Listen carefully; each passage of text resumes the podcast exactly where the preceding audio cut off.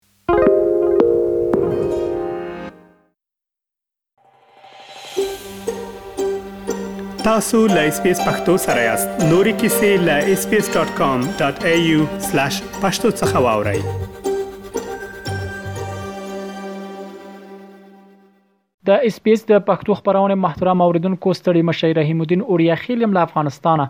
تاسو ته د افغانستان او سیمې د تیر یوې اونۍ مهمې پیښې وړاندې کوم هیله ده چې تر پایه مې ملتیا وکوئ. تیره اونۍ د افغانستان د بیارغونې لپاره د مدیریت صندوق او نړیوال بانک په دې هیواد کې د دریو لویو پروژو لپاره اووه سوه او درې نوي میلیونه ډالره مرسته تصویب کړه. نړیوال بانک د تیرې اونۍ د شنبې په ورځ په یو خبرپاڼه کې وویل چې دغه پیسې به په دریو برخو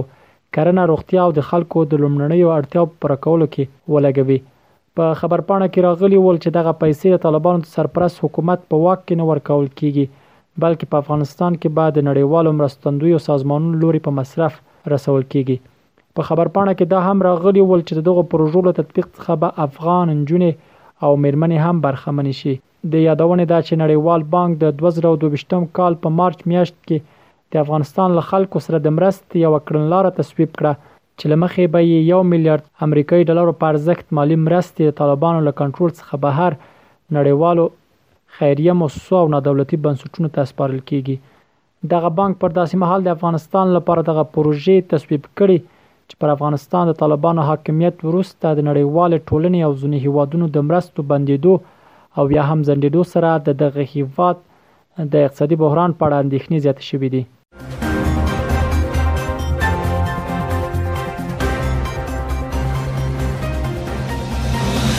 سیګار هغه راپورونه بې بنسټه وبلل چې په هغه کې ادعا شوې وه د افغانستان پخوانی ولسمشر محمد اشرف غني له افغانستان څخه د وتلو پر مهال میلیونونه ډالر له ځانه سره وړي دي. د افغانستان د بیارغونې لپاره د متحده ایالاتو ځانګړي مفتش سیګار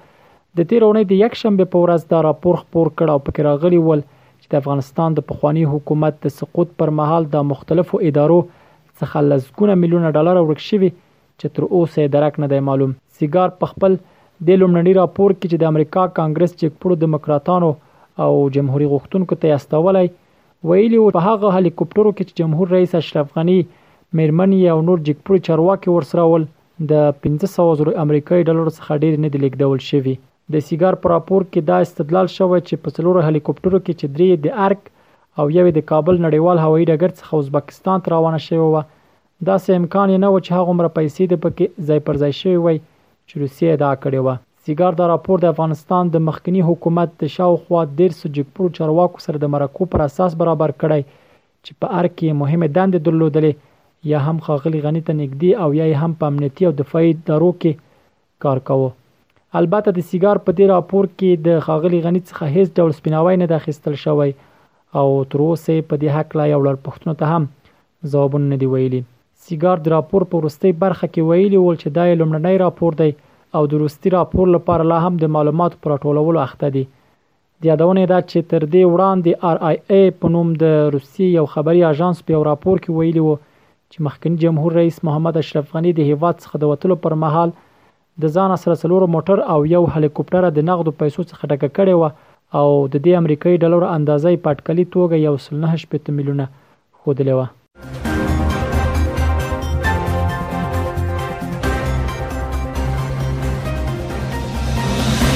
د جرمني د بهرنیو چارو وزیرې الینا بایرباک د تیر اونۍ د سه شنبه په ورځ وویل چې طالبانو په حاکمیت کې افغانستان په لوري روان نه دی د جرمني د بهرنیو چارو وزیرې دا څرګندونه پاکستان ته د سفر پر مهال اسلام آباد کې له خپل پاکستاني سیال بلاول بوټو سره په یو ګډه خبري ناسته کې وکړه هغې وویل تر څو پورې چې طالبان په دې لارې روان وي د افغانستان د مشروع حاکمانو په توګه د هغوی د رسمي پیژندلو او د رابطو د عادي کولو لپاره به کوم فرصت شتون ونه لري. هغې دا هم وویل چې د طالبانو له کبله په افغانستان کې خلک بې وزله شوي او کړیدلي او نړیواله ټولنه باید په یوه غږ او واضح ډول طالبانو ته دا ووایي چې په غلطې لارې روان دي. له دې ټولو سره سره هغه وویل چې نړیواله ټولنه به افغانان هیر نه کړي او هغوی به له افغانانو په خاص ډول له ښځو او نجونو سره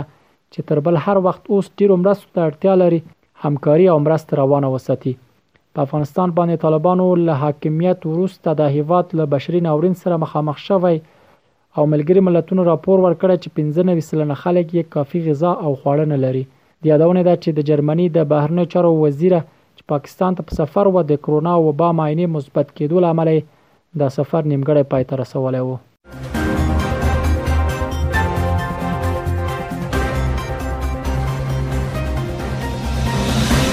ځینې هغه پوځي وسایل او وسلې چې د افغانستان د جمهوري نظام د پرځېدو پر مهال ایران ته وړل شوي وو، تېره اونۍ بېرته افغانستان کې طالبانو ته ورکړل شو. دغه وسایل د هرات ولایت اسلام کلا له لارې افغانستان ته بېرته رالېږدول شوي دي.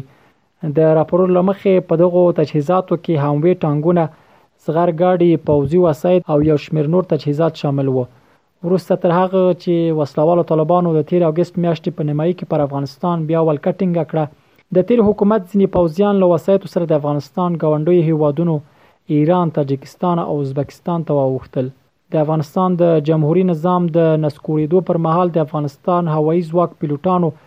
لسګونه هلیکوپټرې او نور الوتکې ازبکستان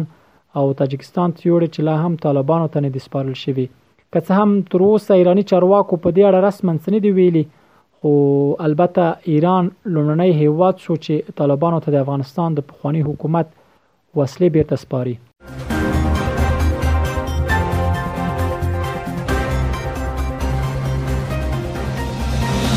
د دې ونې د پای موضوع همدا چې د بشري حقوقو د څار سازمان افغانستان کې د بشري حقوقو ناوړه وضعیت په کتو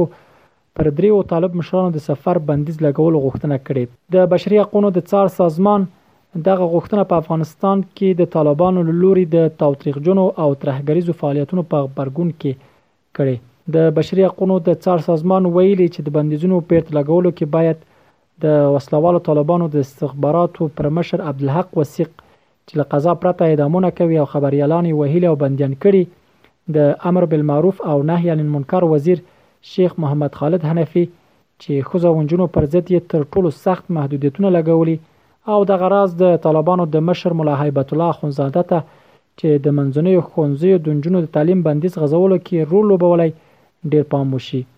دغه سازمان همدارز ویلي دا بس نه ده، دا نه یوازې طالبانو ته زیان رسوي، بلکې حکومتونه باید پر یو غږ ووایي چې د طالبانو کړنې ناقانونه دي او نړۍ د افغانانو په تېره د ښځو او نجونو د حقونو دفاع ته چمتو دي. همداراز دې سازمان د خبرپاڼې په پای کې ویلي چې افغانستان ته د ملګرو ملتونو د عمومي منشي سفر هم د نورو ټینګو ګامونو په توګه اخیستل کېدای شي چې ښایي دا کار د وضعیت ته د نړۍ پام ور وګرځوي چې پر طالبانو فشار ډېر کړي او د بشري حقونو ته درناوی وکړي خو له دې ټولو سره سره طالبانو بیا د بشري حقونو څار سازمان په ځواب کې ویلي چې په افغانستان کې بشري حقوق خوندي دي دا ول د افغانستان او سیمې د تیر یوې اونۍ مهمې پیښې چې ما تاسو ته وړاندې کړې تر بیا ښې چارې